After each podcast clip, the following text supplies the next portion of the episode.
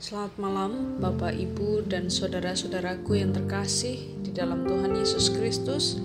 Pada malam hari ini, kita akan kembali bersatu hati dalam doa. Kita akan mempersiapkan hati dan pikiran kita untuk menghadap Tuhan. Kita akan mengambil saat teduh yang akan diiringi nyanyian Teze di dalam cinta.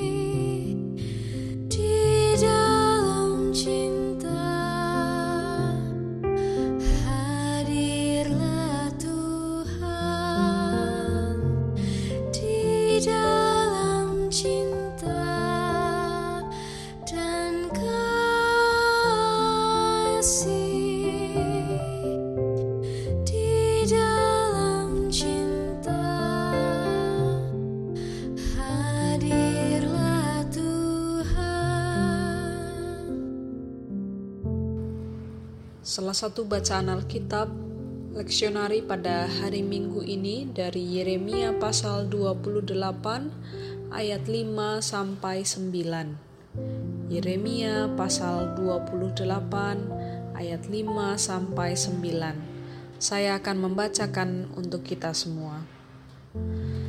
Lalu berkatalah Nabi Yeremia kepada Nabi Hananya, di depan mata imam-imam dan di depan mata seluruh rakyat yang berdiri di rumah Tuhan itu.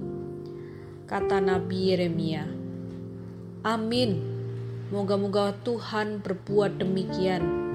Moga-moga Tuhan menepati perkataan-perkataan yang kau nubuatkan itu dengan dikembalikannya perkakas-perkakas rumah Tuhan dan semua orang buangan itu dari Babel ke tempat ini hanya dengarkanlah hendaknya perkataan yang akan kukatakan ke telingamu dan ke telinga seluruh rakyat ini. Nabi-nabi yang ada sebelum aku dan sebelum engkau dari dahulu kala telah bernubuat kepada banyak negeri dan terhadap kerajaan-kerajaan yang besar tentang perang dan malapetaka dan penyakit sampar tetapi mengenai seorang nabi yang bernubuat tentang damai sejahtera, jika nubuat nabi itu digenapi, maka barulah ketahuan bahwa nabi itu benar-benar diutus oleh Tuhan. Saudara-saudaraku yang terkasih, pada saat kesesakan terjadi dalam kehidupan kita, tentu kita membutuhkan penghiburan untuk mengurangi kesesakan dalam hati kita. Biasanya kita mengharapkan orang lain menghibur kita dengan kata-kata yang manis. Namun, apa jadinya jika kata-kata manis itu bukanlah kejujuran? Saudara-saudara, di dalam kehancuran bangsa Israel, pada masa itu datanglah Nabi Hananya dengan nubuatnya yang memberikan penghiburan kepada bangsa Israel dengan mengatakan bahwa bangsa ini mendapatkan kebebasan dari Tuhan. Tentu inilah suatu penghiburan yang dinanti-nanti oleh bangsa Israel. Akan tetapi, penghiburan itu tak akan pernah terwujud sebab apa yang telah mereka lakukan adalah jahat di mata Tuhan. Saudara, melalui pengalaman iman bangsa Israel, kita dapat belajar bahwa maksud Tuhan tidak selalu disampaikan dengan cara yang kita sukai. Firman-Nya tidak untuk menyenangkan telinga semata, tetapi untuk membawa kita semakin dekat kepadanya dan memahami maksudnya. Yeremia dan Hananya sama-sama menjadi nabi yang menyampaikan firman Tuhan. Yeremia dan nabi-nabi pendahulu menubuatkan tentang pembuangan umat ke Babel, sementara Nabi Hananya menyampaikan hal sebaliknya, yakni tentang berakhirnya pembuangan. Tentu perkataan Hananya yang lebih disukai oleh rakyat, lebih suka didengarkan. Sayangnya perkataan itu tidak berasal dari Tuhan. Nabi Hananya pada akhirnya pun dihukum. Saudara-saudaraku, kata-kata yang manis memang menyenangkan untuk didengar.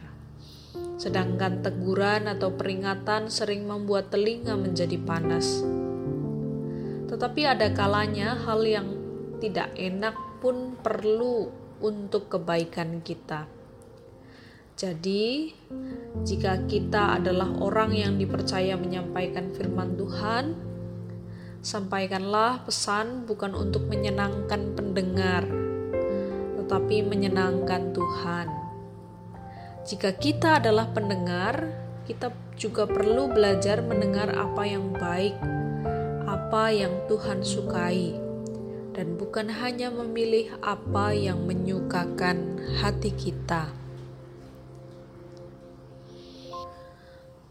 Saudara, marilah kita berdoa yang dimulai dengan doa Bapa kami.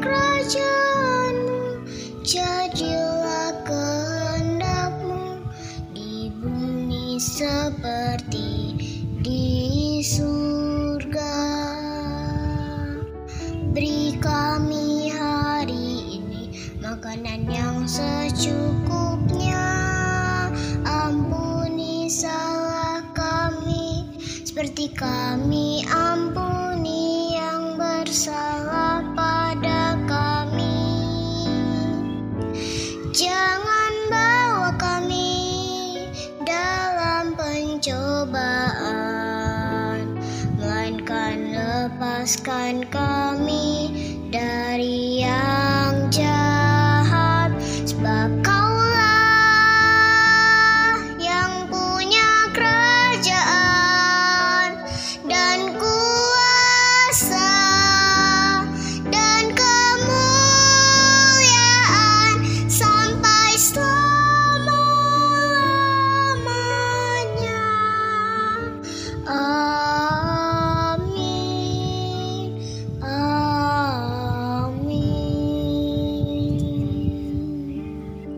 Lanjutkan dengan doa syafaat. Ya Allah, pada malam hari ini kami ingin belajar membuka hati dan kesadaran kami bahwa tidak semua hal yang menyenangkan di telinga kami baik bagi kehidupan kami. Tolonglah kami untuk selalu rindu pada perkataan-perkataan yang mengedepankan kejujuran. Namun kami juga mohon ya Tuhan, Bantulah kami untuk mengelola kata-kata jujur yang keluar dari mulut kami agar tidak menyakiti orang lain. Dalam pengasihanmu kami memohon. Tuhan,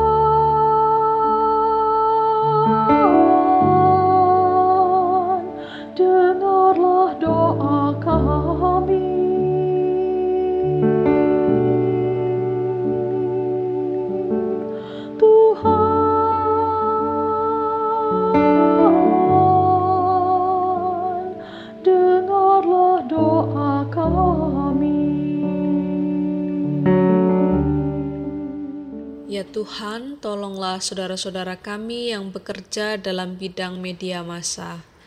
Kiranya mereka terus mengedepankan kejujuran, menyiarkan berita-berita yang baik, dan memotivasi masyarakat untuk hidup dalam kerukunan. terlebih lagi di masa pandemi COVID-19 ini. Kiranya setiap orang yang terpanggil dalam bidang media massa selalu rindu menyampaikan berita yang baik dan jujur dalam menginformasikan dinamika COVID-19. Dalam pengasihanmu kami memohon. Tuhan,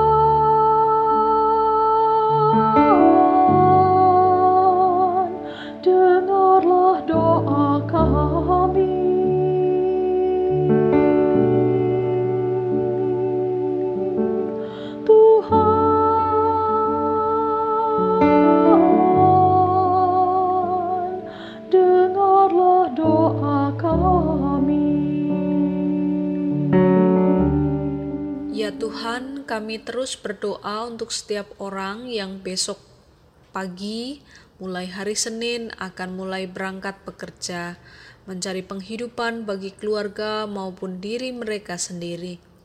Berikanlah imun tubuh yang baik, kesehatan yang baik, dan kekuatan agar mereka dapat menjalankan tugas dan tanggung jawab mereka di tempat pekerjaan dengan kesehatan yang prima. Berikanlah mereka sukacita dalam mereka bekerja, dan Tuhan, tolonglah kami semua dalam mempersiapkan tatanan kehidupan baru. Kami menyadari semua harus dimulai dari keteguhan hati, kedisiplinan diri, dan penyertaan Tuhan sendiri. Tuhan inilah syafaat kami pada malam hari ini. Dalam pengasihanmu kami mohon.